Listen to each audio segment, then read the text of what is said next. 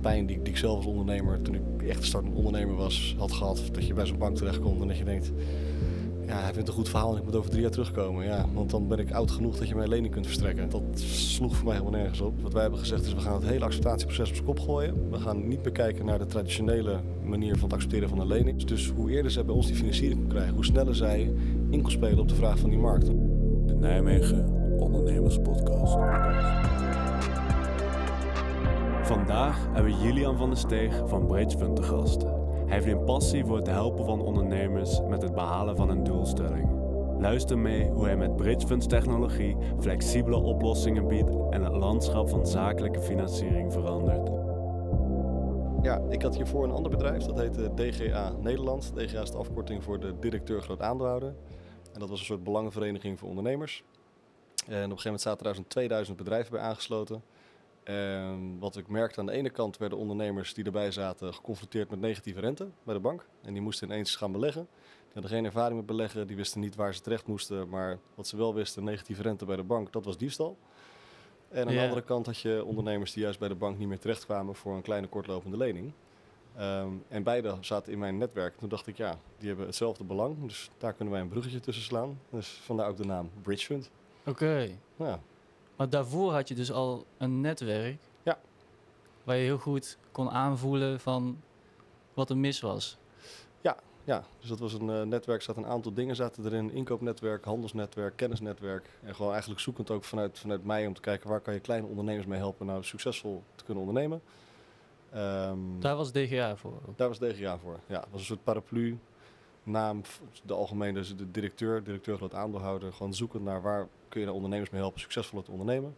En dan ga ik toch een klein stukje verder terug, want het bedrijf wat ik daarvoor had, dat was ook heel hard gegroeid. Toen ik ook als start-up was begonnen, eh, kom je nergens voor een aanmerking. Ehm, en naarmate die groter wordt, wil ineens iedereen met je gaan werken. Ja. En dat, dat voelde voor mij een beetje als, als nou ja, onrechtvaardig, ongelijk. En toen dacht ik eigenlijk, als je nou heel veel kleinere samenvoegt, heb je in feite gewoon de kracht van één grote. Oké. Maar je bent dus, ja, die vorige bedrijven die hebben je eigenlijk voorbereid op dit avontuur dan. Ja, ja, zo zou je het kunnen zeggen. Mijn eh, allereerste bedrijf was eh, Amigo, eh, online arbeidsplatform. Ehm, ook eigenlijk online bij elkaar brengen van vraag en aanbod van de arbeidsmarkt. ook heel hard gegroeid. Toen ik 24 was, is dat naar de beurs gegaan. Toen ben ik zelf met enkele ticket vertrokken naar Amerika om het vanuit daar verder uit te bouwen. Iets meer dan een jaar in San Francisco gezeten. En uiteindelijk een lang verhaal kort. De, de, de moederorganisatie hier in Nederland, Beursfonds, ehm, nou, een, een hoop dingen meegemaakt wat de keerzijde is van ondernemen, geld en, en mensen met eh, mooie woorden en verkeerde intenties. Ehm, uiteindelijk eh, eh, mijn aandelen verkocht en dus toen was het nieuws gestart. En dat is dus DGA Nederland geworden. Oké. Ja. Maar je bent, eh, wat, nee, San Francisco is geen Silicon Valley, toch? ja, het is Silicon Valley. Ja, het, het zit tegen Silicon Valley aan. Dus ik zat heel veel in Silicon Valley en ik woonde in San Francisco. Oké. Ja, Ja, dat, dat is ook een heel avontuur Ja. geweest, ja. Hoe ja was dat dan? Dat is heel vet. Ja, het is ehm, wat je hier in Nederland ehm, vooral merkt is doe maar gewoon, doe je al gek genoeg.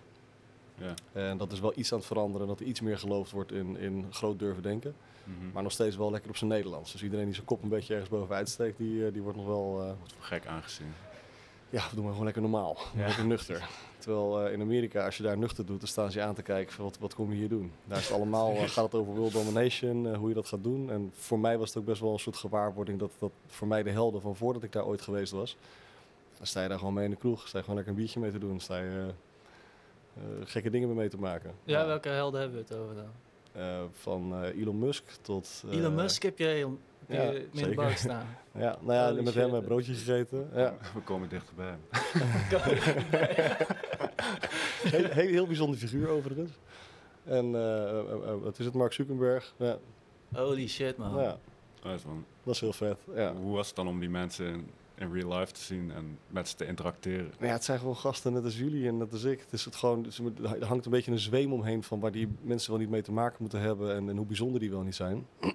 Ehm, maar het, het Zijn het wel mensen? Zijn Ja, dat soms- vraag je je af. Dan moet ik wel zeggen, bij Elon Musk had ik nog de grootste vraag. Mocht nou iemand achteraf een robot blijken te zijn, dan, dan zou hij het kunnen zijn. Het was echt een hele bijzondere vent.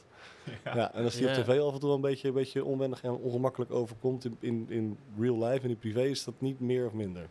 Oké. Ja, ja. Ja, ik zie hem veel, vaak op podcasts en zo. En dan, hij vindt het niet erg om een stilte te nemen of zo. Weet Nee. Daar is hij niet. Nee, sociaal is die lekker ongemakkelijk. Ja. Ook om af en toe gewoon heel lekker gek te doen. Ja, Toch? ja zeker. Ik, ik, ik moet zeggen, ja, iedereen kan van hem vinden wat je wilt, maar ik vind het een hele bijzondere vent. En je moet in ieder geval iets van hem vinden. Je kunt hem niet negeren. ja, maar het is zo opvallend dat hij... Volgens mij noemt hij zichzelf ook een autist. Maar dat hij wel gewoon een organisatie kan bouwen. Een hele missie kan bouwen waar heel veel mensen zich bij aan willen sluiten. Ja, ja hij kan verder kijken dan de meesten. Ja. Ja. ja. Ik bedoel, als je alle engineering scho- school- scholen afgaat... en je vraagt waar wil je werken, voor wie wil je werken... allemaal willen ze voor Elon Musk werken. Ja, ja. ja, die snap ik wel. Dat is wel heel bijzonder dat je dat voor elkaar kan krijgen. Ja, dat zal deels visie en ook deels cultuur zijn. Want bij Elon Musk ga je harder werken dan waar dan ook en niet Ja. per se het meeste verdienen. Nee, klopt. Nee, exact. Nee. Ja, daar hadden wij nog research naar gedaan. Want je- bij Facebook kun je veel meer verdienen als bijvoorbeeld software engineer. Ja. Maar mensen willen toch liever voor Musk werken. Ja, dat is het idee hebben dat ze echt iets bijdragen aan de wereld. En dat, dat zie je ook echt wel, dat, dat geld is belangrijk, maar niet de meest motiverende factor. Nee. Nee. Nou, terug naar eh Bridge Fund. Want wa- Detour. een detourtje nemen. Ja, daar zijn podcasts voor. De Bridge Fund. Ja, jullie zijn een fin- financiële institutie. Nou ja, nee, eigenlijk gek genoeg. Ehm, we- zien onszelf, je zou zeggen financiële instelling. Ja. In zekere mate van wat we doen zijn we een soort financiële instelling. Ehm, maar we zien onszelf meer als een techbedrijf. Want wat we doen is we, we ehm, overbruggen de belangen tussen twee, twee doelgroepen. Aan de ene kant mensen die geld hebben, die willen een stukje rendement maken op hun geld. Mensen die geld nodig hebben, die kunnen dat gebruiken om rendement te maken met een onderneming. Dus, dus eigenlijk zien we onszelf meer als een soort techplatform die die vraag en aanbod van die, van die, die, die marketplace bij elkaar brengt. Ja. Ehm, wat ook best wel uniek is bij Bridgefund is we zijn de enige die buiten de hele financiële sector ongeorganiseerd zijn. Dus we hebben geen geld van institutionele partijen, geen banken, geen pensioenfondsen. En we zouden het onszelf veel makkelijker kunnen maken door gewoon te zeggen, eh, joh, we hebben nu inmiddels, eh, weet ik veel, 50, 100 miljoen nodig. Ehm lopen gewoon naar een bank toe, want nu zijn we voor een bank interessant. Maar een bank heeft weer geen interesse in die hele kleine leningen van die kleine ondernemers die juist een onderneming willen laten groeien. Ja. Dus dit is, dit is precies waarvoor wij ontstaan zijn. Dus het voelt ook heel contra, ehm, je dat? contra-intuïtief. Ehm, om dan nu bij een bank dat geld er vandaan te gaan halen. Dus we zijn nog steeds tot nu toe hebben kunnen vasthouden aan onze oorspronkelijke plan om gewoon ondernemers aan de ene kant die wat vermogen over hebben te kunnen laten beleggen. Die krijgen een vast rendement. Die hebben ook onderpand op alle uitstaande leningen. Dus ook qua zekerheid zit alle zekerheden bij de, eh, de financiers. En vervolgens hebben wij aan de andere kant lenen wij het uit aan kleine ondernemers die dat geld weer kunnen gebruiken om een onderneming te laten groeien. Want hoe zo'n onderneming die wil investeren bij jullie, Ja, die wil gaan beleggen, hoe, hoe kun je die vetten eigenlijk? Zo van, oké, die onderneming, die- dat is een echte onderneming. Dat is geen, misschien een bank of zo. Nee, je, je hebt natuurlijk altijd je KYC-procedure, dus je gaat kijken waar het geld vandaan komt. Ehm, maar wat we ook hebben gedaan is bijvoorbeeld een belegger mag nooit meer dan 10% van het totale fondsvermogen in handen krijgen. Dus we hebben wel eens een, een quote 500 man hier gehad en die zegt dan, eh je wil meteen een heel groot bedrag gaan doen. en dan moeten we die eh, nee gaan verkopen. En dat voelt ook best wel een beetje gek, maar je wil voorkomen dat je afhankelijk wordt van één partij. Dus we hebben liever spreiding over heel veel. En dan gunnen we het ook liever aan, aan die ondernemers die ook echt, nou ja, doordat je gesprekken hebt, die het ook kunnen gebruiken. Ehm, en de allermooiste complimenten die we wel eens krijgen is iemand die ooit bij ons terecht is gekomen met een lening, eh, is dat die later onze financier wordt.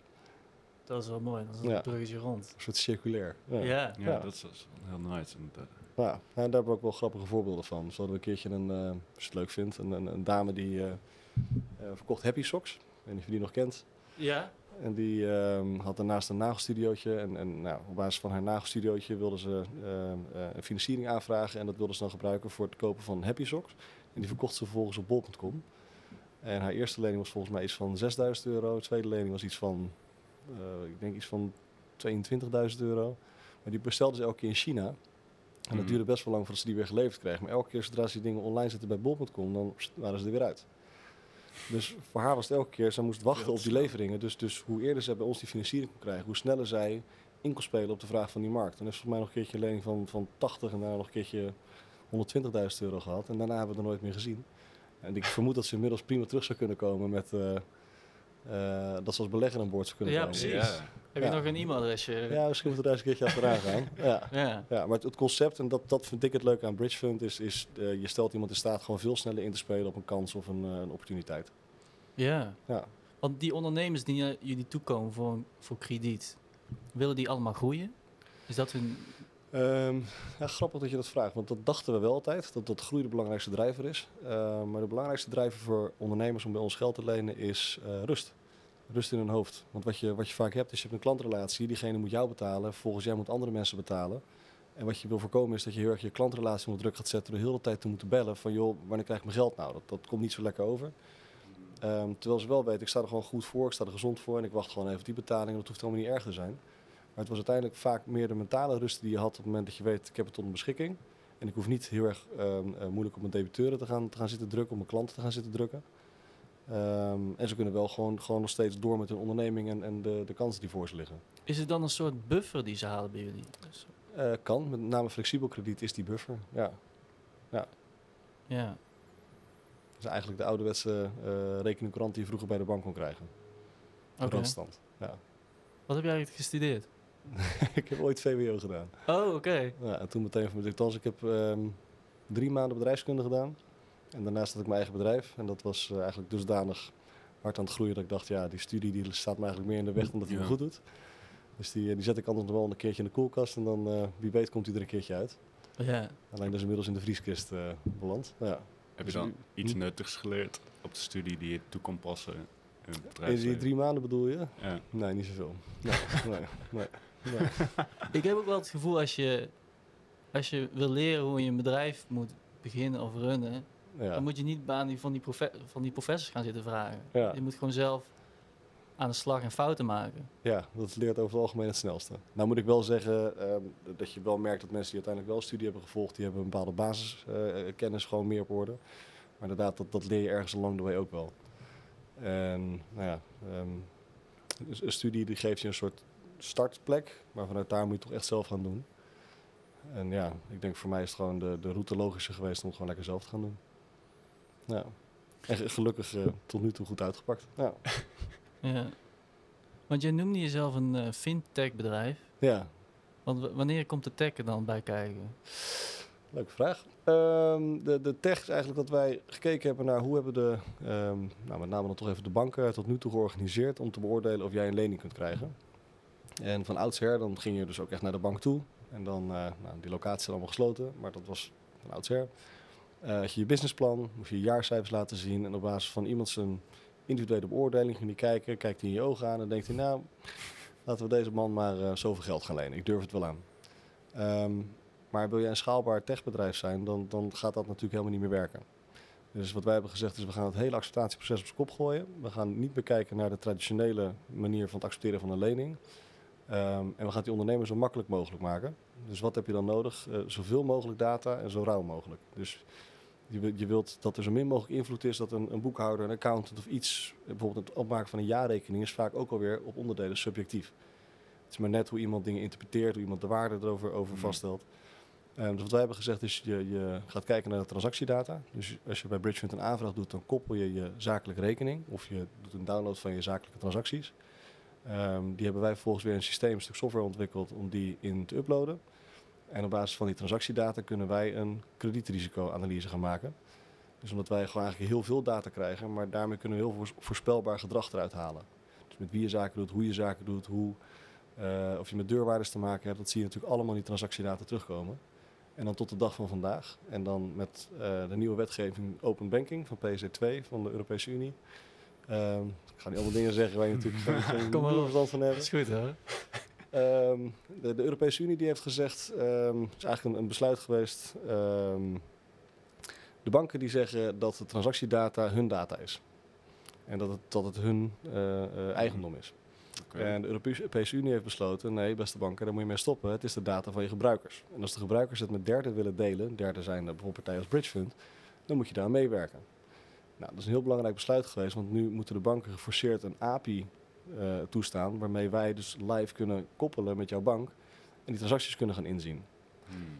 En dat maakt het voor partijen zoals ons en voor de gebruikers veel makkelijker om dienstverleningen daaraan te verbinden. En nou, Nederland is een van de laatste landen in Europa geweest die er uiteindelijk aan is gaan meewerken. Maar inmiddels is het zover dat ze allemaal, alle banken eh, werken nu mee met eh, de PSD2-koppeling. Ehm, en dat maakt het voor ons ehm, Dus veel wanneer is makkelijker. dat? Ja, het is, het is al twee jaar. Ehm, maar dat alle banken eraan meewerken. Volgens mij is er zelfs nog één bank in Nederland die het nog steeds niet voor elkaar heeft om, om eh, partijen als ons toegang te geven tot die data en eigenlijk de gebruiker het veel makkelijker te maken om een aanvraag bij Bridgefund te doen. Ehm, Maar kunnen jullie dan sinds twee jaar pas eigenlijk die software toepassen op Ja. die, op die zakelijke ja, dus die, die software die hadden we al wel, maar dan had je het vanuit een eenmalige download. Dus dan had je een MT940 bestand heet dat. Oké. Wist ik ook allemaal niet voordat ik een Bridgefund startte, begrijp me niet verkeerd. Ehm, dus toen kon je nog doen vanuit, vanuit eh, een eenmalige download. En dan kon je dus zien tot de dag van vandaag wat er gebeurd was. En dan moesten wij op basis daarvan een inschatting maken. Wat is de kans dat jij tussen nu en, nou zeg dat je een lening nodig hebt voor zes maanden. Tussen nu en zes maanden in de problemen kunt komen. Alleen doordat we nu met die live koppeling zitten, kunnen we gewoon een kredietfaciliteit aangeven. En doordat we live kunnen blijven monitoren wat er gebeurt op je rekening, groeit eigenlijk je krediet ook mee met de ontwikkeling van je onderneming. Dus eigenlijk zie je gewoon een enorme innovatie in het bestaande product. Ja. Sick. Want ja, hoe belangrijk is dat innovatie voor jullie? Eh, nou, als ik even kijk naar eh, mijn investeringen, dan eh, is dat blijkbaar heel belangrijk. Ik investeer heel veel geld in, in technologie. Ja, dus wij zitten, wij zitten best wel op de forefront van ehm, ehm, AI, artificial intelligence, machine learning. ehm, even voor je beeldvorming, iemand die nog nooit van ons gehoord heeft en bij Google intoet zakelijke lening en het geld ook echt op zijn rekening heeft staan, is nu 89 minuten. En waar we dit jaar naartoe willen gaan, is dat het gewoon instant is. Dus voor zo'n ondernemer, je koppelt je bankrekening, je hebt gewoon meteen je saldo gekoppeld aan de ontwikkeling van je onderneming. Je ziet meteen hoeveel je kan lenen. Ja, en dat kun je ook meteen opnemen, meteen gebruiken. Ja, dus dan, dan voor nou, een x-percentage van de klanten mag er geen mens meer aan te pas komen. Dus alle technologie gaat naar dat, Dat proces optimaliseren. Ja, ja, en het steeds intelligenter maken van. Dus je kunt je voorstellen dat wij heel veel aanvragen binnenkrijgen. En dat geeft ons gewoon best wel een goed zicht over het hele landschap van wie er met wie zaken doet, hoe dat gaat, hoe dat loopt. Ehm, en daardoor kunnen we ook steeds betere risicomodellen maken eh, op basis van het gedrag. Dus eigenlijk ga je gewoon heel veel voorspellender worden dan dat andere partijen ooit hebben kunnen zijn. Meer risico's. Nou ja, het is niet eens per se meer risico's. Ik denk beter risico's uitsluiten. Wat je niet wilt, ehm, is een lening verstrekken die niet terugkomt. Even in de meest simpele Ja, vorm. Dus je moet goed kunnen inschatten aan wie ga je hoeveel verstrekken. En iedereen heeft te maken met een foutmarge, als je even zo wil noemen. Dat heet dan eh, in de sector defaults. eh, dus bedrijven die een lening geven en niet kunnen terugbetalen. Mhm. En hoe beter je dat kunt gaan inschatten, eh, en hoe, hoe kleiner de kans dat jij dat verkeerd inschat, hoe scherper je uiteindelijk kunt gaan prijzen in, in het verstrekken van de lening. En hoe Ja, scherper je je tarief wordt, hoe meer mensen er weer gebruik willen maken, hoe meer data je krijgt. Dus krijg je een soort, soort loop erin. Oké. Ja. En nu werken jullie met een bepaalde range, toch? Hoeveel geld jullie lenen aan mensen? Ja, ja dus we, we lenen nu tot 2,5 ton en een maximale looptijd eh, van twee jaar. Oké. Ja. Is het idee om dat nog uit te breiden of uit te wijden, zeg maar? Ja, we zijn aan het onderzoeken of het zinvol is om bepaalde producten eraan te koppelen. Dus je kunt je voorstellen, bijvoorbeeld, ehm, eh, ik noem wat, een, een, een financial lease. Eh, iemand kan zelden in twee jaar tijd, als hij een auto koopt, die auto meteen gaan aflossen in twee jaar tijd. Hmm. En nou ja, voor ons is het best wel logisch om dan te kijken, als je toch het onderpand van zo'n auto hebt, dat je daar zo'n markt eventueel kunt gaan betreden. Oké. Ja, Dus, meer een Dus dan kun je naar langere looptijden toe. Ja. Sick. Ja, want die... Kijk, voor ondernemingen is het soms best wel misschien eng om, om, om een lening aan te nemen. Van ik heb... Ik wil krediet hebben. Ik dacht, ik, misschien moet ik gewoon zelf groeien, toch? Met mijn eigen kapitaal.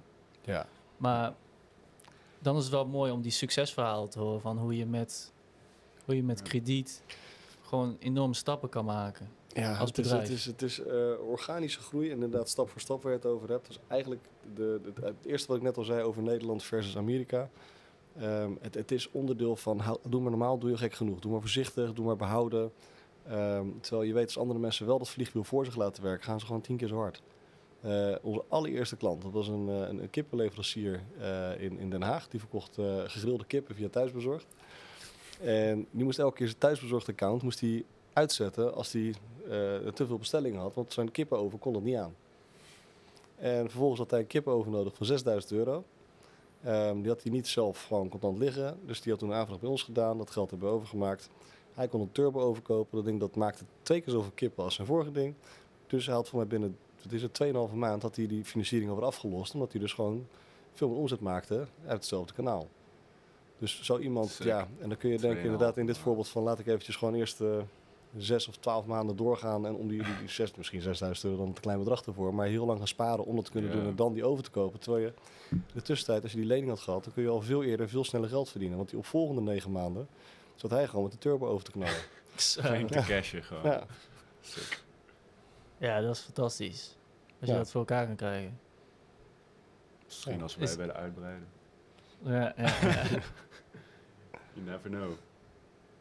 ja, want die, ja, want jij zei van het mooiste is als zij zo hard groeien dat ze dus ook kunnen beleggen bij jullie. Ja. Want wanneer kun je beleggen bij jullie? Wanneer? Ja, we hebben nu nog een ondergrens van 100.000 euro eh, voordat je kan starten met beleggen. En daarna kun je een eenheden van 25.000 euro bijstorten. En die ondergrens van 100.000 euro heeft ermee te maken dat je onder die 100.000 euro ga je de particuliere markt aanspreken. En dat wil zeggen dat je de, de, de gewone, dan word je een soort gewoon beleggingsproduct. Ehm, en dan moet je een AFM-vergunning hebben. En dat betekent voor ons eh, nou ja, een enorme hoeveelheid. Eigenlijk wat je dan, voor, wat je dan moet gaan doen, is dat ehm, Jan en Annie van 4 hoog 3 achter, als ik hem even heel onerbiedig mag maken, eh, als die 10 euro willen storten, dat zij moeten snappen wat het risico is van die 10 euro.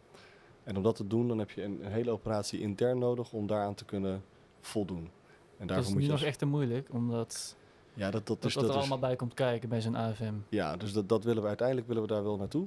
Eh, omdat we wel geloven dat je, dat je eh, die instap lager wilt maken. Dat je de, de, nu voelt het ook een beetje, gemiddeld, wacht, ik ga even iets anders uitleggen. Nog een gemiddelde leningnemer leent bij ons 20.000 euro. En om dan die ondergrens van 100.000 euro te bereiken om ons te kunnen beleggen, dat, dat is best wel een hele stap. Dus Mhm. daarom, en wat wij veel liever zouden zien, is dat iemand bij wijze van spreken vanaf 1000 euro zou kunnen beleggen. Want dan kunnen degenen die vandaag bij je lenen ook morgen je belegger zijn. En dan, dan, dan heb je veel meer die hele wisselwerking in je hele product.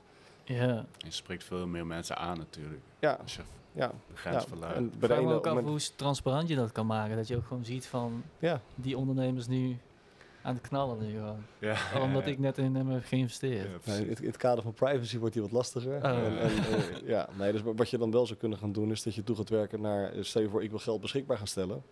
Eh, dat ik alleen maar wil dat het bij groene bedrijven komt of bij regionale bedrijven. Dus in jullie geval eh, een, een Nijmeegse bedrijf eh, terechtkomt. Mhm. Ja, dus dan kun je Ja, wel je eigen ja. criteria gaan aangeven. Maar goed, dat, dat is allemaal nog toekomstmuziek voor nu. Dus voor nu zijn we gewoon lekker nog aantallen aan het maken en eh de markt naar ons toe aan het trekken. Plannen Ja. voor de toekomst. Ja, want ik, ik las eigenlijk dat jullie, jullie willen naar Engeland. Ja. Ja, Hoe dat gaat klopt. dat? Ehm, nou, waar je in Nederland te maken hebt met ehm, ehm, eh, geen wetgeving in de zin waarbij eh zakelijke lening verstrekken is ongereguleerd en beleggers vanaf boven de 100.000 euro is ongereguleerd, ehm, is het in Engeland zo dat je een ontheffing moet hebben. En de doorlooptijd om ontheffing te krijgen, dat zou zo'n drie maanden zijn. En Engeland is een soort voorloper op Europa als het gaat over hoe vrij hun sector is. Alleen daar hebben we nu te maken gekregen met een FCA die momenteel op een soort, soort ehm, beleidskoers is gezet dat ze enerzijds over eh, dat, ze, dat ze mensen tekort komen en anderzijds eh, niet meer zitten te wachten op heel veel nieuwe spelers in het domein. Ehm, dus dat is een enorm frustrerend proces. Dus Ja. Even voor je beeldvorming. Ehm, elke keer als eh, zij een vraag stellen, eh, dan mogen zij vervolgens zelf weer anderhalve maand wachten eh, om te moeten reageren. En als ze onze vraag stellen, dan moeten wij binnen één of twee dagen reageren. En dat zijn echt, nou, dat is nog net niet de vraag van hoe is het weer momenteel in Nederland. En dan gaat die teller weer lopen. En ze wachten elke keer keurig tot de 45ste dag. En dan gaan ze weer een vraag Ja. stellen. Want hoe heet die instantie die jullie Dat is de, tegen? de FCA. FCA. Ja. Waarom heb je Engeland gekozen? Ehm, de, de, de biggest and the baddest. Dus als je kijkt in heel Europa, is Engeland ehm, eh, de, de grootste voorloper. Nog sterker, de Europese Unie heeft haar beleid eh, ontwikkeld op basis van wat ze in Engeland hebben gezien. Dus waar je in Europa nog steeds 80% komt bij de banken vandaan en 20% bij de, even de alternatieven, ehm, is dat in Engeland al andersom. Dus daar komt 80% bij de Oh. alternatieven vandaan, omdat het daar Oh, open banking is. Ja. Dus het principe van open banking, hoe het nu in, in Europa is toegepast, dat is, een, dat is een soort gekopieerd van wat ze in Engeland hebben gezien. En voor ons was het, wij zijn in Nederland nu marktleider geworden en ik denk in ieder geval eh, op technisch vlak het, het, het, het meest geavanceerd. Ehm, Wat betekent dat eigenlijk als je marktleider bent? Eh, Want ja, ja, dat, het, dat het moeilijker wordt om elk jaar weer te verdubbelen of verdrievoudigen. Ja. ja, ja. Want eh, als je iemand boven hebt, dan kun je daar tegenaan boksen. Ja, weet je wel? ja, ja, En nu- ja, dat is een beetje onwennig. Ja. Maar er zijn nog genoeg, genoeg delen die we kunnen gaan, gaan Maar aanvliegen. daar wil je naar Engeland, zodat je daar kan boksen. Nou ja, het, het is een beetje alsof je in groep 8 terecht gekomen bent en je denkt, eh, nu ben ik even de grote jongen van de klas geworden, of van de school geworden. Ja. En dan eh, ben je in Engeland ben keer weer een brugpieper met een veel te grote rugtas. Yes. En dan denk je in één keer, oeh, want die gasten daar. Ja. Is weer rondgeduwd. En dan uiteindelijk daar ook marktleider worden dan. Uiteindelijk zijn we wel redelijk eh, ambitieus. Ja. Netjes. Ja. Ja, want je zegt we. Wel, Jij hebt natuurlijk een heel team achter je staan. Ja, Of naast je staan. Ik weet niet hoe je dat, hoe je dat het liefst wil uitdrukken. boven me staan. Oké. Want we, hoe belangrijk is dat team voor jou? Eh, nou ja, ik- ik kan niet omschrijven hoe belangrijk in de zin. Ik, ik vind mezelf gek genoeg de, de minst belangrijke persoon binnen de hele organisatie. Eh, mijn rol is veel meer faciliterend te zorgen dat iedereen in zijn kracht staat en kan doen wat hij moet doen. Ehm, maar ik, ik zou bijna niemands werk inhoudelijk hier kunnen uitvoeren. Nee. nee dat klinkt, klinkt heel gek. ik zie je ook kijken, dat haal je niet uit de podcast. Nee, precies. Ja, nee, de, de, ik denk dat ik ehm, dat mijn grootste talent is, is wel markt te kunnen voorzien en daarop in kunnen spelen en daar mensen mee kunnen krijgen en goede mensen aan me binden om dat samen mee te gaan doen. En ik moet gewoon continu die balans bewaken en zorgen dat iedereen goed, goed op zijn op zijn spoor zit. precies. Ehm, maar ik, ik, ik geloof meer in een soort faciliterend leiderschap dan in eh traditionele eh, harkje waarbij je zelf eh borstkloppend bovenaan gaat staan. Want hoe ziet zo'n day-to-day eruit dan? Wat, waar ben je mee bezig eigenlijk? Ehm, als alles goed gaat, nergens mee. Gek genoeg. Dus dan, dan ben je bezig met de toekomst en met partijen eh buiten spreken. Ehm, om te kijken hoe die wereld zich ontwikkelt. Maar in principe moet ik zorgen dat ik zo min mogelijk echt operationeel betrokken ben.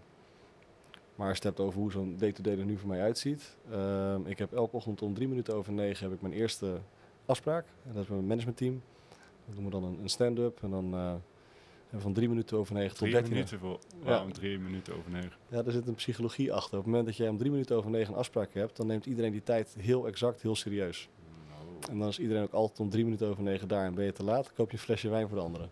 Oh Ja. shit. Ja, terwijl als je om negen uur afspreekt, dan komen mensen vanaf vijf voor negen tot vijf over negen ergens binnendruipen. En dan ben je eerste tien minuten al ja, wow. Dat is sick. Ja. Specifieke tijd. Ja. Zijn ze ook specifiek aanwezig. Ja. Die moeten wij ook in gaan zetten. Ja. Dat ik kom altijd te laat. Ja, en dan een beetje afhankelijk wat, eh, wat er op dat moment het belangrijkste is binnen de organisatie. Van 13 minuten over tot 23 minuten over 9. Dan sluiten we meteen een andere eh, opzet. Maar dat scheelt een beetje per waar op dat moment. Dus bijvoorbeeld dat wij hard groeien, dan hebben we meer funding nodig. Dus dan komt funding wat meer in, in de spotlight te staan. En dan is degene die verantwoordelijk is voor funding, eh, die zit in dat blokje. En ehm, en vanaf daar begint je dag. En dat is meestal gevuld met, met afspraken. Ja. Dus vooral afspraken met je collega's. Mm, Nee, ja, soms wel, maar dat zit meer dan in, in een soort strategisch ding. Dus we hebben weeklies, monthlies, eh, quarterlies en dan zitten we even buiten kantoor en dan gaan we kijken of we nog steeds op koers zitten. En dan gaan we de plannen maken. Plannen worden ook vaak dus wel vanuit de organisatie aangeleverd. Wat, wat, hoe ziet de roadmap eruit? Hoe zijn de ontwikkelingen? Waar lopen we tegenaan? Eh of als de dingen niet goed gaan, dan, dan komen ze wat urgenter op de agenda te staan. Maar probeer in ieder geval te waken dat je niet continu in de waan van de dag overal heen en weer getrokken wordt. Ja. En zodra ik merk dat ik repeterend werk doe, dan ga ik heel snel zoeken bij wie ik dat moet gaan beleggen. Ja. Want dat is de grootste valkuil als ondernemer, dat je vast komt te zitten in een, in een kernproces. Cool man. Want jullie zijn dan eh, kredietverleners voor specifiek ondernemers. Ja. Jullie hebben echt een specifieke doelgroep.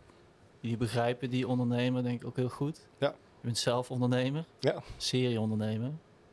Als jij die, dat krediet geeft, kun je dan ook extra... Wat kun je daar eigenlijk nog meer bij geven? Van, hoe, kun je dan ook advies geven? Of van, Ja, dit, vind ik een hele, hele eh, grappige en eigenlijk een, een, een discussie die ik al vaker gevoerd heb. Discussie, een dialoog ook al vaker gevoerd heb. Ehm, op het moment dat je jezelf als adviseur gaat zien, ehm, heeft het ook iets betuttelends in zich. Dus ik, mijn uitgangspunt is dat zo'n ondernemer met zijn kippen over beter kan inschatten of hij een turbo over heeft, nodig heeft of niet. Dat moet hij beter kunnen zeggen dan ik. Ja, En op het moment dat ik hem ga uitleggen van nou, ik weet niet of die turbo over moet doen, misschien wil je wel dit gaan doen, dan, dan, dan vind ik dat ik een soort, soort arrogantie over me heen krijg die ik helemaal niet wil hebben. Dus als jij zelf bedacht hebt dat, en, en, en ehm, wij kunnen op basis van jouw transactiedata zien dat je prima weet wat je aan het doen bent, ja, dan krijg je de lening en vervolgens ehm, nou ja, groeien we hopelijk met je mee. Dus, Ja. ja. dus ik, ik geloof niet per se, je, je kan hooguit in de toekomst toewerken naar bijvoorbeeld de data die wij zien. Dus dat je, dat je wat meer iemand gaat inzicht gaat geven in zijn eigen transactiedata. Dus dat, dat zie ik nog wel voor me. Maar echt een adviserende rol, dat vind ik een, een soort van arrogantie in zich hebben. want inzicht in je eigen transactiedata, hoe uitzicht dat? Wat, Nou, als wij dus zo'n aanvraag krijgen van onze ondernemer en die, eh, die koppelt zijn bankrekening, dan wat wij eigenlijk doen is wij, wij rubriceren dat en wij categoriseren dat en op basis daarvan hebben wij eigenlijk best wel inzage in hoe jouw onderneming draait. Waar doe je je inkoop, waar doe je je verkoop, hoe eh, eh, betaal je personeel op tijd, heb je te maken met deurwaardes, je, je haalt eigenlijk heel veel informatie eruit. En die informatie kunnen wij natuurlijk in principe ook aan die ondernemer zelf gaan laten zien. Ehm, om te eigenlijk al in de spiegel eigenlijk. Eigenlijk gewoon Ja. een spiegeltje voorhouden. Ja, ja. ja. Maar dan leren ze daar ook al van, direct. In plaats zeker. van, Ja, dat is wel heel nuttige informatie eigenlijk. Ja, alleen om dat echt nuttig te maken, moet je echt nog een omslag maken om die data goed te kunnen delen. En dat Ja. vereist technisch wel weer redelijk wat. eh, wat eh, Om van data informatie te maken. ja. Want als een ondernemer bij jullie aanklopt, wat voor financieringsopties heeft hij dan eigenlijk? ja, dat zijn een, een tweetal smaken die we hebben. Eén is gewoon een recht toe recht aan een lening. Je hebt eh, 20.000 euro nodig voor eh, het kopen van, inkopen van voorraad. Ehm, die, die krijg je in één keer uitgekeerd en dan afhankelijk van wat je verwachte verkooptijd is, betaal je hem terug. Gemiddeld is de, de doorlooptijd van terugbetalen zo'n 6 tot 7 maanden. Ehm, en die terugbetaling doen we ook met automatische incasso's. Dus, en dan bij voorkeur zelfs dagelijks automatische incasso's. Want dan is het elke dag gewoon een heel klein bedrag. En dan heb je je Is dat lening- beter dan maandelijks? ja, je houdt, houdt wat meer grip erop. En ook voor zo'n ondernemer, die hoeft niet één keer in de maand te denken, oh, nu moet ik dit gaan betalen. En, en dat wordt in één keer een groot bedrag. In plaats van elke dag gewoon, gewoon een paar tientjes of een paar honderd euro. Ja. Ja. Oké, dat is dus makkelijker. Dat Het is makkelijker, je hebt er geen omkijken naar. En mocht het nou een keertje misgaan, omdat er bijvoorbeeld geen saldo op je rekening staat, dan wordt het automatisch getriggerd in het systeem. Dus die, die stuurt dan een mailtje naar je van, hey, er stond vandaag te weinig saldo op, maakt niet uit. Eh, maar zorg dat er morgen voldoende op staat dat we dan dubbel kunnen incasseren. En dan gaat hij weer dubbel. Dus het is eigenlijk gewoon best een, een, een makkelijk proces waar je weinig omkijken naar hebt. En dan voor je het weet is die, eh, die zes maanden voorbij en dan eh, heb je je lening afgelost. iedere dag je geld omlaag gaan eigenlijk. Dus je wordt ook een beetje wakker geschud elke dag dat je jullie wel moet terugbetalen natuurlijk. Je wordt wel dagelijks herinnerd aan je. Ja. Nou ja, ik vraag me af of heel veel ondernemers echt zo vaak op hun bankrekening aan het kijken zijn. Het is meestal als het even tekort komen, dan denken, oh nou moet ik wat. Oké. Maar Ja. in principe, het is gewoon, er komt vaak elke dag wel wat geld binnen. Dus onze typische klant, die heeft ook vaak met ehm, eh, consumenten te maken. Dus horeca, retail. ehm, dus die krijgen ook vaak zelf dagelijks of wekelijks omzet op hun rekening gestort. Dus er, er loopt altijd een stukje cashflow door zo'n rekening. Oké. En de rentetarieven die daarbij zitten. Weet je dat? eh Ja, wacht even. Dit is trouwens nou, eerst het product. Dus het ene product is eh, die, Oh ja, eh, die vaste product. lening. Ja. Ja. Ehm, en het, het, het, het vernieuwde product, zou je kunnen zeggen, en daar gaan we nu steeds meer naartoe bewegen, is flexibel krediet. Eh, flexibel krediet is dus eigenlijk op basis van jouw ehm, eh, onderneming gaan we zeggen, nou, jij hebt een leencapaciteit van, ik zeg even wat, eh, 20.000 euro. En dat betekent dat je een soort binnen de bandbreedte van 20.000 euro zoveel kunt opnemen als dat je nodig hebt. Ehm, en dan kunnen wij met de PSD2-koppeling gewoon kijken over tijd ehm, of, of er iets een reden is waardoor die faciliteit toereikend is of tekort komt of dat je juist meer kunt krijgen. Ehm, maar dan mag je zelf bepalen hoeveel je ervan gebruikt. Dus je kunt ook maar 2000 euro opnemen of, of, of 15.000. En wat we dan doen is dat er standaard wel een aflostermijn van zes maanden in zit. En dan in dit geval met wekelijkse incasso's. En elke keer als je weer opneemt, nou, dan gaat er weer een nieuwe termijn van zes maanden in. Dus dat doen we, even ook voor jullie beeldvorming, om te voorkomen dat er een nieuw nulpunt gaat ontstaan. Want wij geloven dat een lening moet bijdragen aan het succes van je onderneming en niet dat je een soort, eh, soort bloedzuiger moet gaan. Wij geloven dat een lening moet bijdragen aan het succes van je onderneming en niet dat je een soort, eh, soort bloedzuiger moet gaan krijgen die gewoon elke maand alleen maar rente aan het rekenen is. Want dan en dan is dat een soort- soort, flexibele ehm, krediet is dan een nieuwe nullijn voor een Heb je- onderneming. heb je dat, dat, dat zou eh, niet gezond zijn. zelf bedacht? Ja. Oké. Ja. nou ja, ja. Het, het- het is denk ik een mix van, van wat er vroeger al bestond. Gek genoeg, de banken deden dit vroeger ook ooit. Eh, overigens niet meer dat aflossen. Die zaten wel op dat, op dat nieuwe nulpunt en daardoor dus gewoon elke maand lekker rente kunnen pakken. Ehm, en, en bij ons is het wel vanuit dus die gedachte om die aflossingsdruk erin te houden en dat je gewoon snel weer op het nulpunt zit. Ehm, maar ja, het is gewoon een moderne take on, on Ja, ik had het net al een beetje over rentetarieven. rentetarieven. Jij zei- Ik had je een keer horen Ja. zeggen dat eh, consumenten kijken soms een beetje Ja. negatief naar die rentetarieven. Die gaan meteen vergelijken en zo. Maar ja, hoe denk jij daar eigenlijk over? Ja.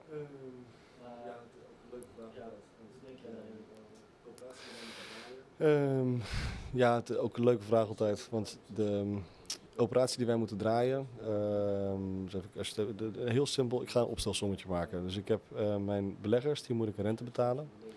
Ehm zeg dat die gemiddeld zo'n ehm 5% rente krijgen. Nou, ik heb een x-percentage van de lening die ik verstrek, die krijg ik niet terug. Die pak ik voor mijn eigen rekening en risico. Ehm, ik heb een marketingkosten eh, om te zorgen dat die klanten ons kunnen vinden. En ik heb operationele kosten. Dus je hebt, als je die even bij elkaar optelt, best wel wat kosten. En die moet je over een heel kort tijdsbestek gaan terugverdienen. Dus iemand die een gemiddelde lening bij ons heeft van zes maanden. en de gemiddeld klein kredietbedrag is, dus zeg even gemiddeld die 20.000 euro, dan heb je maar een heel kort horizonnetje. Maar je moet zorgen dat je wel een rendabel product draait. Dus als je dat naar een rentetarief gaat doorrekenen, dan wordt het al heel snel gezien als oh, dat is wel een hoge rente. Maar als je naar onze klanten gaat kijken, die kijken alleen Ja. maar naar wat het hun oplevert. Dus een klant die nu even dat geld kan gebruiken, ik pak weer even het voorbeeld van die kippenboer. Ehm, die heeft 6000 euro geleend, maar die kon vervolgens wel binnen drie maanden eh, die, dat ding terugverdienen en vervolgens dus heel hard doorgroeien. Dus volgens mij hebben wij een klantwaardering van een 4,8 op een schaal van, van 5. Ehm, dus onze klanten zijn er heel blij mee. Ehm, en mensen die vaak van buiten eh, onze klantenkringen komen, die, die zitten dan wel eens zeggen, ja, maar die is hartstikke duur. Van, ja, maar zet hem dus even af tegen wat je anders moet doen. Nou, ook nog een ander voorbeeld. Stel je voor, je gaat bij een traditioneel kanaal ga je je aanvraag doen. Ehm, ga eens doorrekenen wat je aan tijd kwijt bent voordat je dan een lening geregeld hebt gekregen.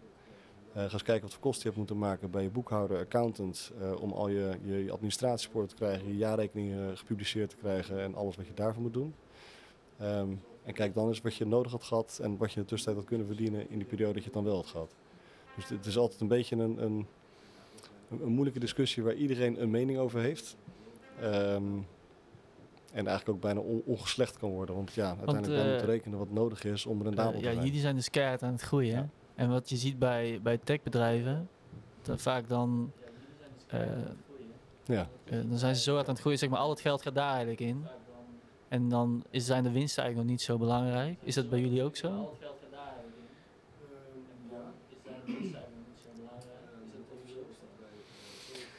Ehm, ja.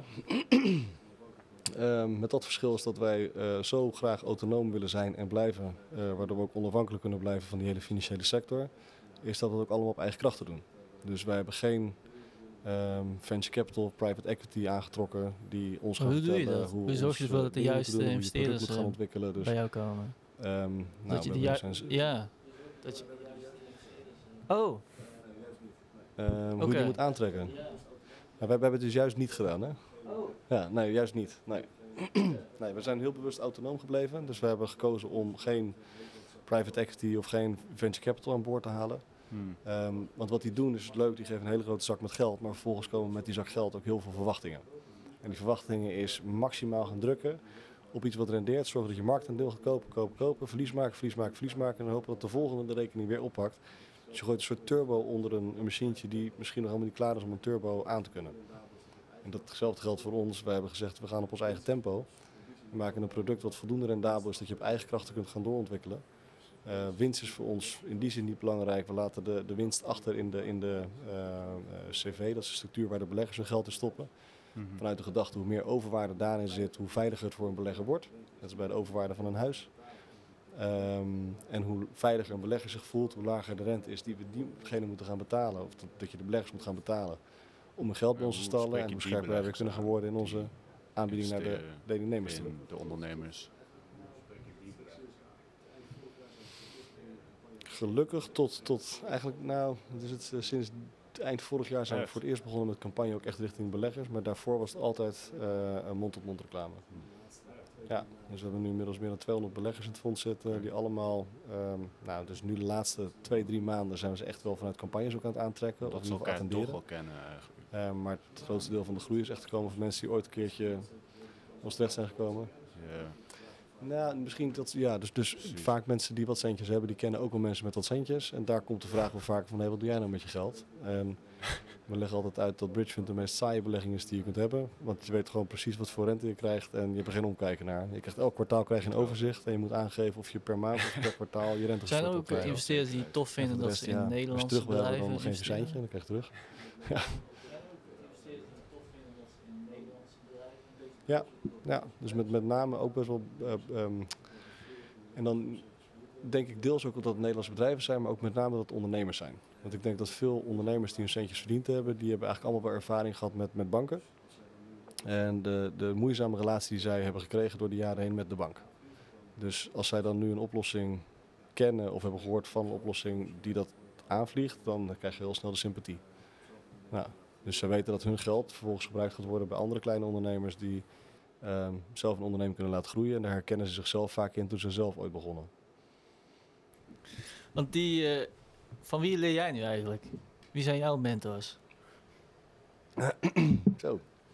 Ehm, nou, ik heb een aantal aandeelhouders aan, aan boord gehaald vanaf de start van Bridge Fund. Ehm, nou, ik kan ik gewoon noemen. De, de eentje daarvan is eh, Quinten Schevenels. Quinten is eh, de, tot vorig jaar was hij de CEO bij Funda.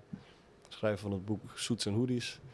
En Quinten is- is, is bij uitstek iemand die de slag kan maken tussen de... Die, die snapt de corporate wereld, maar die snapt ook de start-up wereld. En, en hij is voor mij een soort linking pin in hoe die twee werelden werken. Ehm, en dat is iemand die vanaf het begin nou, erbij gehaald vanuit de gedachte... er gaan bepaalde groeifases komen. Daar heb jij veel meer ervaring mee dan ik. Ik heb vaker een bedrijf opgezet tot, tot een x-aantal medewerkers... maar vervolgens dan kom je in een nieuwe fase waarbij je je hele structuur moet aanpassen... dat je via een andere manier moet gaan werken. Ehm, dus dat heb ik vorig jaar ook meegemaakt. Vorig jaar zijn we hier eh, in Amsterdam gegroeid van 22 naar 62 man. En dat wijst in één keer een heel ander soort, soort aanpak. Dus vorig jaar heeft hij mij dan heel erg gecoacht wat het dan betekent om een CEO te zijn van een onderneming die voorbij dat, dat kantelpunt groeit. Dus nu kan ik met mijn aangeleerde skills waarschijnlijk tot een mannetje of 100 doorgroeien. Oké, en dan moet je weer... En dan, dan ga ik weer in, eh, ga ik weer in, eh, in, in, in de leerschool, ga ik weer in leerbanken. Ehm, dus dat is iemand waar ik eigenlijk altijd terecht kan. En ik zit elke, of dus het om de week zit ik even met hem, ga ik ergens ontbijten. En dan eh klankbord ik even met hem. Ehm, nog iemand anders is René Vrijters. is ook een van de aandeelhouders van, van het eerste uur. Ehm, toen wij in deze markt rolden, hadden we helemaal niks te maken met de hele financiële sector. Nog nooit mee te maken gehad. Ja, anders dan de pijn die, ik- die ik zelf als ondernemer, toen ik echt startend ondernemer was, had gehad. Dat je bij zo'n bank terechtkomt en dat je denkt, ja, hij vindt een goed verhaal en ik moet over drie jaar terugkomen. Ja, want dan ben ik oud genoeg dat je mij lening kunt verstrekken. Ja, dat, dat, dat sloeg voor mij helemaal nergens op. Ehm, dus dan eh, eh, kom je een sector in die je niet kent. en dan ga je even een onderzoek doen. Nou, wie zijn er in deze sector ehm, de, de, de rocksterren van de Nederlandse markt? Mhm. En dan kom je toch al snel uit bij René Vrijters. Hij is de oprichter van Alex Beleggersbank. Eh is uiteindelijk verkocht aan, eh aan eh, Bink Bank voor 380 miljoen. Vervolgens heeft hij, voor mij een jaar in Afrika, heeft hij in een township heeft hij allemaal dingen gedaan om zijn hoofd te legen. En vervolgens toen was hij het eigenlijk niet helemaal eens met hoe die hele banken zichzelf nou zagen. Dus toen dacht hij dat moet helemaal anders. En toen heeft hij Knapbank opgezet. Oh, hij heeft knap eh op. Ja. Weet je waar de, de naam Knap vandaan komt? Ja, het is toch een omgekeerde... Ja, dus de, de bank, maar dan Ja, precies andersom. fantastisch. Ja, de gedachte is, de, de consument staat centraal en niet, niet de bank. Dat is een beetje een soort, soort ivoren toren waar hij tegenaan wilde gaan schoppen. Ehm, dus voor mij was het iemand die met Alex Beleggersbank heeft ervoor gezorgd dat beleggers eh, niet meer via beleggingskantoren hun, hun dingen moesten gaan ingeven, maar gewoon rechtstreeks op de beurs konden gaan beleggen. Dat nou, kun je niet voorstellen dat het voor die tijd revolutionair was, maar dat was dus voor die tijd ongekend. Ehm, dus voor mij iemand die altijd heel innovatief naar die sector heeft gekeken en best wel met een soort, soort rebels karakter, maar wel met intenties om iets, iets beter te maken. Dus niet, je hebt genoeg mensen die rebels zijn ergens tegenaan gaan trappen, maar hij doet dat om iets fundamenteel te verbeteren. Ehm dus die heb ik toen benaderd. Die heb ik gevonden via En jij hebt dezelfde mentaliteit? Ik denk het wel, ja. ja. Oké. Ja, dus ik denk dat dat ook onderdeel van de, van de klik was. Eh dus heb ik gewoon benaderd en gezegd, joh, ik eh, nou, voorgesteld, ik ben Julian, ik heb een plan om, eh, om deze wereld op zijn kop te zetten. En dan in ieder geval eigenlijk buiten die hele financiële sector om gewoon te zorgen dat, dat je weer, net zoals een bank dat vroeger deed, mensen met geld rendement krijgen en mensen die geld nodig hebben, eh, geld kunnen lenen. Ehm, en toen eh, nou, vonden we een leuk gesprek. Toen was het idee van, nou, laten we dan één keer per kwartaal even gaan zitten. Dan, eh, dan eh, klankbord ik je een beetje en dan ik een beetje, geef ik een beetje aan waar je moet letten, waar je voor op moet passen. En eh, dat werd heel snel één keer per maand. Op een gegeven moment kreeg ik wekelijks en toen werd het heel snel een soort dagelijks dat ik appjes, berichtjes en, en, en artikeltjes die hij ergens tegenkwam. Dus ik merkte ook bij hem dat hij een soort, soort aan begon te slaan op wat we aan het doen zijn. Ehm, toen op een gegeven moment over gehad, veel, maar als je het zo leuk vindt, vind je het dan niet leuk om gewoon echt mee te gaan doen. En toen, eh, nou, daar heeft hij volgens mij drie dagen over nagedacht. En toen zei hij, ja, dat wil ik. Dus toen heeft hij zich ook ingekocht. En sindsdien was hij verantwoordelijk geworden voor de hele IT-infrastructuur. Dus hij is eh, bij Bridgefund drie dagen in de week gaan werken, papier. En in de praktijk was het vaak nog wel meer dan drie dagen in de week. En die heeft toen ehm, eigenlijk de, de hele technische setup gebouwd die we hier hebben de afgelopen drie jaar. Wow, Ja. dat is wel cruciaal. Eh, dat is gewoon heel de tech natuurlijk. Of niet? Eh, nou, er zullen meerdere mensen zijn die zeggen van nee, het is niet heel de tech, want iedereen heeft zijn eigen onderdeel in, in wat daarin Oh, geleverd is. Maar oké. hij, hij is de soort de supervisor geweest in wat er allemaal gedaan wordt. Want ook voor je beeldvorming, we hebben een development team in Sri Lanka zitten. Daar zit nu zo'n 25 man. Dat zijn echt de, de, programmeurs ook. Waarom zitten die in Sri Lanka? Ja, dat is, dat is eigenlijk zo ontstaan omdat de, onze CTO, een van onze medeoprichters, die zijn oude compagnon, die was getrouwd met een Sri Lankees.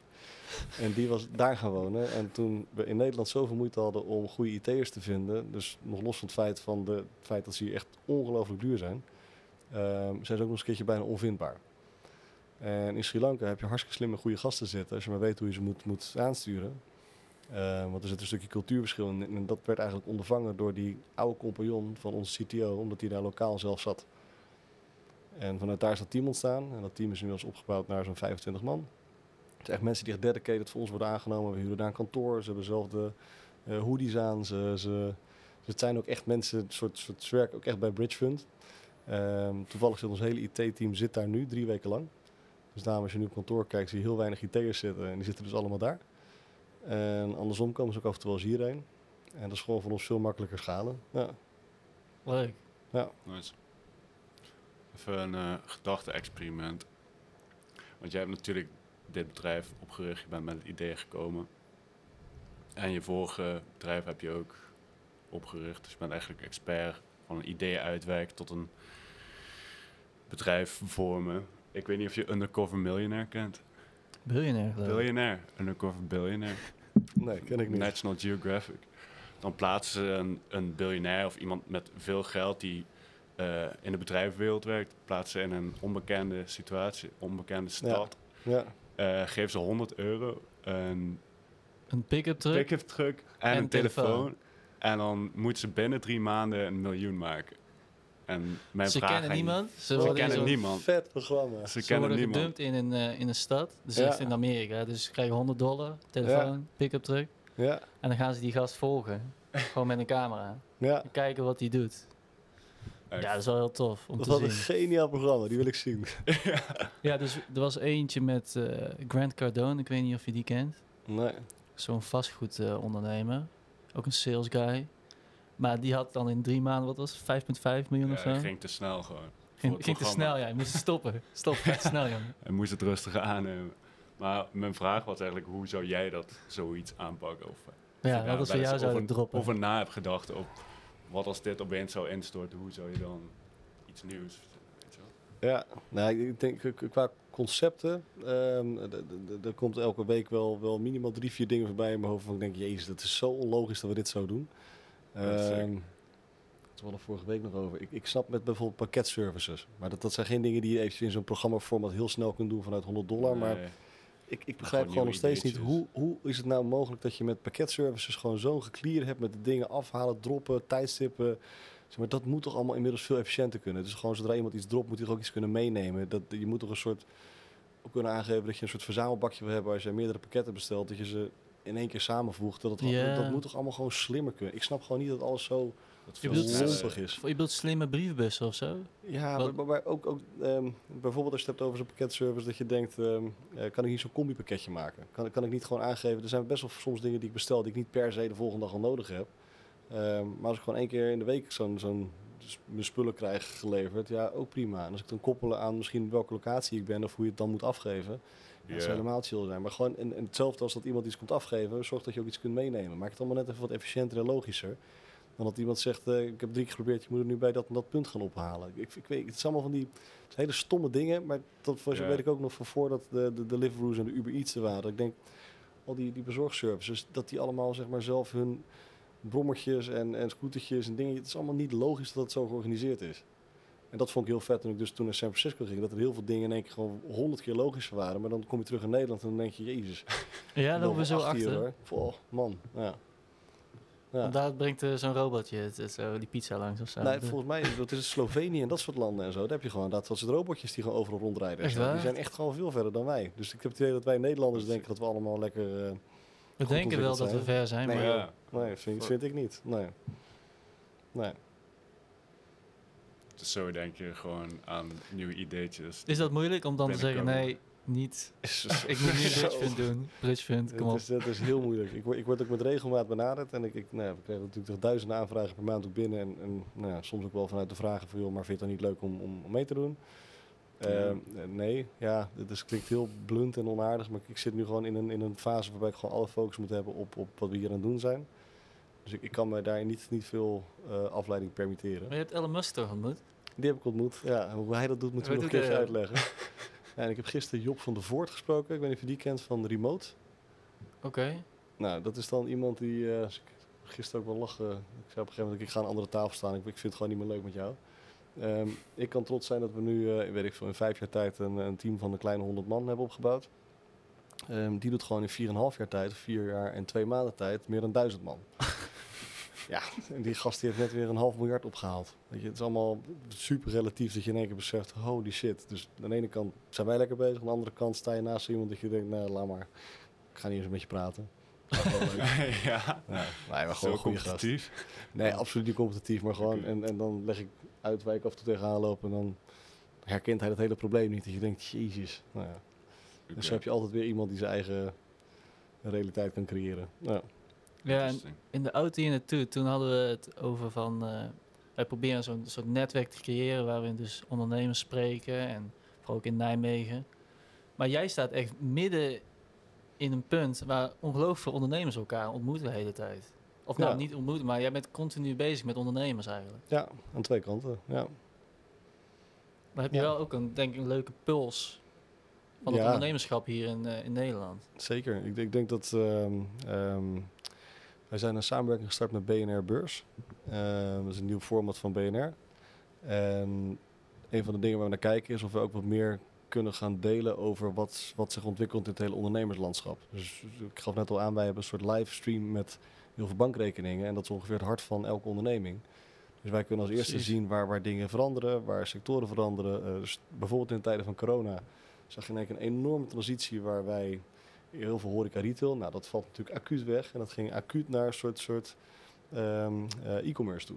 Even heel, heel stom voorbeeld. Dus je, je kan meteen zeggen welke getallen, welke percentages waar gaan dalen en, en, en waar omhoog gaan. Dus je wordt heel voorspellend voor de markten. Dan zijn journalisten natuurlijk ge- geïnteresseerd in. Vinden journalisten erg leuk. Ja. En dan gaan jullie dan een samenwerking doen met BNR, die, die gaat dan een programma voor jullie maken of zo? Nee, dus wij zijn nu. eh, eh, dit programma is mede mogelijk gemaakt door Bridge Fund. Dus dat is- dat is een soort Oh. opening. En daar worden we gewoon best wel veel sponsorship geopend, eh commercials staan gekoppeld. Want jullie kunnen niet zomaar data delen, denk ik. Nee, nee, dus wat we sowieso doen, dus de, de data die we hebben, dat is gewoon puur bedoeld voor ons eigen riskmodel, het ontwikkelen ervan. Maar geanonimiseerd kunnen we natuurlijk wel gewoon zeggen wat er gebeurt met trends. Dat zag je ook wel eens met eh, de PIN-leveranciers. Die kunnen ook zien wat voor PIN-omzetten er teruglopen. Of wat, eh, dus dat, is- dat is een soort geanonimiseerd. Dus dat kunnen we wel uit sectorbreed zeggen. Nou, we zien wel dat bijvoorbeeld deze sector heel erg terug begint te lopen. We zien dat de, de, de vastgoedmarkt eh, op, op zijn retour is. We zien dat er een, eh, een toename is in het aantal eh, verbouwingen. Nou, weet ik veel, ik, ik noem even wat. Maar Mhm. dus je kunt heel veel ehm, veranderingen gewoon doordat je een livestream hebt over heel veel bankrekeningen, zien waar wat zich ontwikkelt. Want je noemde net Funda en die hebben, zitten natuurlijk ook op superveel data. Omdat Ja. mensen continu... Je weet precies waar mensen huizen willen kopen. Ja. En welke huizenmarkten omhoog gaan en welke omlaag. Ja. En daar, daar kun je hele verdienmodellen op bouwen op die data. Ja, Heb, nou, hebben jullie daar ook wel eens over nagedacht? Ik, ik, ik heb toevallig wel eens gebouwd met, of zelfs gebouwd, ge- gesproken met Quinten daarover. En nu schijnt er een partij te zijn geweest in Amerika. En die heeft op basis van zo'n funda-model en, en de voorspellende waardes daarvan hebben die een soort vastgoedfonds ontwikkeld. Alleen zat een formule fout in. En toen bleek in één keer dat ze een enorme ontploffing hebben gehad in, eh, in een megafonds. Aan, eh, dus het bleek helemaal niet goed te gaan. Dus nou, of, Een of je daar gemaakt. Kle- klein rekenfoutje kan best een impact hebben. Ehm, maar goed, dus jouw vraag was of je dat met je de data hier kunt doen. Ja, Ja, alleen ik, ik, ik ehm, schoenmaker blijft bij je leest. Zorg dat het je gewoon rijker maakt in het inzicht waar je je geld verantwoord kunt neerleggen. Dus voor ons, ehm, ja, het, het zal vast relevant zijn voor sommige partijen. Voor, voor NUON, die zal graag willen weten waar eh, eh, zijn concurrenten zitten. Eh, en die zullen graag een uitrij willen hebben van, van die klanten die, die geen gebruik maken van NUON. Ik zeg even wat stoms. Ehm, maar dat, dat is niet onze business. En ik vind het ook niet, zeg maar, iemand komt bij ons met zijn aanvraag voor een lening. En dan gaan wij vervolgens vanuit die data zeggen van kijk eens NUON, je moet daar naartoe gaan. nee, dat klopt niet helemaal. Nee, nee dat is, eh, dat is volgens mij ook niet eh, hoe de hele AVG GDPR bedoeld is. En eh, los, los daarvan ook gewoon niet, niet hoe wij willen gaan opereren.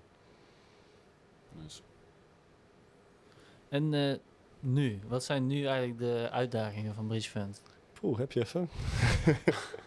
Wat zit er nu in je hoofd te tikken? Zo van, Like, zeg maar bovenaan zo van, ja, dat is eigenlijk, dat moeten we eigenlijk fixen. Nou, ik denk als je het over nu, nu hebt, hebben we best wel even wat, wat technische uitdagingen. Dat, je, dat je, je begint op te schalen en dat je dan nou, bepaalde onderdelen in je processen. We hebben een, een, een nieuwe onboarding. Nou, allemaal heel technisch inhoudelijk misschien. Ehm, je moet je voorstellen dat het, elke verandering die wij doen eh, op de website, die kan impact hebben. En dat moet je vooral met AB-testen gaan doen. Maar op het moment dat je te veel dingen tegelijk in een andere opstelling hebt neergezet, omdat je dus en de aanvraagpagina en exploitatieproces en dus de, de bepaalde stappen ertussen uitgaan, dan wordt het in één keer heel lastig omdat je geen benchmark data meer hebt. En dat is waar we nu mee soort geconfronteerd worden, dat je in één keer een aantal dingen tegelijk hebt gedaan en dat iets even niet goed gaat en dan moet je gaan uitvinden, ja, wat was dat dan? Dus misschien een beetje abstract nu, maar dus dat, dat zijn eventjes de, de Meer- uitdagingen Meerdere nu. variabelen en dan weet je niet Ja. meer wat nou de belangrijkste is. Ja, precies dat. Dus dat is misschien het gebrek aan wetenschappelijke achtergrond dat we soms te snel stappen nemen. Ja, dat is ook Ehm, ja, nee, dus dat is wel een dingetje ehm, wat toevallig nu eventjes eh, een beetje puzzelen is. En verder ehm, eh, de stappen om verder internationaal uit te breiden. Je merkt bij Engeland blijf je toch wel een beetje aanlopen tegen zo'n FCA. En dat je gewoon niet weet hoe lang dat nou duurt. Eh, we hebben wel gewoon personeel al klaar zitten, want alles staat er al. Dus, dus de Engelse entiteit, de, de, de bankrekeningen, de, alles wat je nodig hebt om te draaien. Je hebt alleen nog maar het startschot nodig van de Ja. FCA die zegt we hebben ontheffing en dan kunnen we draaien. Want jullie hadden, jij zei, je had zo'n mooie community gebouwd met Ja. DGA. Daar Ja. kon je mooi bridge fund opbouwen, geloof ik. Ja, Maar heb, heb je ook zo'n community in, eh, in Engeland? Eh, nog niet. Dus de eerste leningen die we zouden gaan verstrekken, doen we gewoon vanuit onze eigen, eh, vanuit onze eigen holding. Gewoon puur om even de, de eerste test te kunnen doen. En als het dan gewoon werkt, dat we die leningen goed kunnen, kunnen dat zijn een beetje de unit economics die je dan gaat opbouwen. Kijken, werkt het en wat kost het aan een versterkte marketing euro? Wat, wat levert dat volgens op aan de lening en, en kan iemand ook terugbetalen? Eh, dus er echt een soft launch zijn om gewoon puur uit te zoeken hoe werkt die markt daar. Ehm, en dan ga je datzelfde doen. Dus ga je daar ook lokaal ondernemende beleggers aanspreken die inmiddels al wat centjes hebben om in een fonds te stoppen. En dan ga je ook lokaal geld gebruiken om daar lokaal weer te verstrekken. Dus dat, eh, dat is het hele idee. Alleen dus als je het hebt over de, de, de pijn van nu. Ehm, we, we zitten nu al, dit is het een half jaar met, met meerdere mensen op de payroll, die bij ons op de, de loonlijst staan. Eh, Engels sprekend, want die moeten dus vanaf dat moment de telefoon gaan oppakken en die klanten gaan helpen. Ehm, en elke keer dan is de verwachting, oké, het duurt nog zo lang en dan komen ze met de uitslag. En elke keer dan verstrijkt die 45 dagen termijn. En dan komen ze met een vraag. En dat gaat zo als inderdaad, eh, wil je je marketingplan eens even sturen? Of wil je, en dan eh, eh, wil je eens even dit businessplan invullen conform deze, deze principes? Of wil je, ja, het is, het is niet te doen. Dus maar ja, elke keer dan is het weer anderhalve maand verschuiven. Maar ja, je zit wel met een paar mensen die gewoon aan het wachten zijn. En, en die op hun manier ook heel erg hun best doen om iets te kunnen bijdragen. Maar ook niet heel Ja. gemakkelijk zitten. Omdat ze ook een beetje, een beetje iets hebben van ja, En het is een overheidsinstantie. Ja. En die, er is geen snellere manier. Je kunt er niet even... Yo. Jeetje. Schiet eens op. ja, dat is wel balen. Ja, het, is een beetje denk ik wat erbij hoort. En eh, aanhouden wint, zullen we zeggen. Ja. Precies. Ja, we hadden eigenlijk nog een, eh, een laatste vraag, toch? Om eh, mee af te sluiten. Wil je geld lenen? Ja, precies. Nee, we wilden afsluiten met... eh, wat is je favoriete boek? Je favoriete film? En je favoriete quote? Hmm. Even denken hoor. Het stom is, ik, ik lees eigenlijk veel te weinig boeken. Ehm, de boeken die ik lees, die, die me het meeste aanspreken, zijn toch wel een beetje die autobiografieën. Dus zo'n Steve Jobs, Elon Musk, gewoon wat, wat die gasten gedaan hebben, dat vind ik gewoon heel vet. Ehm, en vaker kijk ik toch liever TED-talks of, of eh, documentaires om daar wat uit te halen. Dus als ik hem nu zou moeten kiezen, dan zou ik denk ik toch geneigd zijn te zeggen die van Steve Jobs, dat boek. Oké. Ja, die vond ik heel vet. Ehm, wat is het favoriete film? Poeh. Ja, lachend kijken alsof, alsof je weet Nee, we ook- hebben alle tijd. We kunnen alle stilte ja. wegknippen. Nee, nee, even kijken. Favoriete film? Ja, moet het een beetje zakelijk gerelateerd zijn? Of, Hoeft niet. Nee, Wat is jouw favoriete film? Ik vind een van de mooiste films vind ik Pay It Forward. Je die kent. Pay it forward. Ken niet. Nou, dat vind ik een hele mooie film. Meer vanuit het, principe ook. Waar gaat hij over? Ehm, Nou, dat je, dat je drie, drie goede dingen doet in, in het leven. En als diegene dat ook weer doet. En als iedereen dat dan doet, dan heb je eigenlijk helemaal nooit meer een probleem. Zo. Maar het is Ja, dan best wel een soort leuk verfilmd. En, en nou, Ja, anders zou ik hem zeker aanraden. Een leuk film te kijken. Ehm, verder, wat vind ik nog meer? Van, ja, ik, ben de Gladiator, vond ik fantastisch. Eh, ja. Eh, Braveheart. ja. Wat vind ik nou van recent nog een beetje echt de betere films? Ik vind films kijken wel lekker, maar ik, ik heb al een tijdje niet meer echt een idee dat ik echt een soort een of andere enorme kaskaker heb gezien. Dus Nee, die wordt niet zoveel meer gemaakt volgens mij. nee, dat gevoel heb ik ook niet echt. Nee. Allemaal Netflix films. Allemaal streamen en eh, Ja. snel Ja, Snel de volgende. Quick money. series, Ja. Franchises. Ja, ik vind de, de social network hou ik ook wel van. Gewoon met ook weer een beetje een soort, soort documentaire slash hoe zijn ondernemersverhaal loopt. Founder van eh, die gast van McDonald's. Ja, dat is mijn zien, man. Ja, Van ja, ja, die vind ik ook vet. Ray Kroc. Ja, Ja, dat is super tof. Persistence, toch? ja, ja. Never settle. Ja. ja misschien meteen mijn quote, never settle. Ja, oké. Ja. Top. Never said.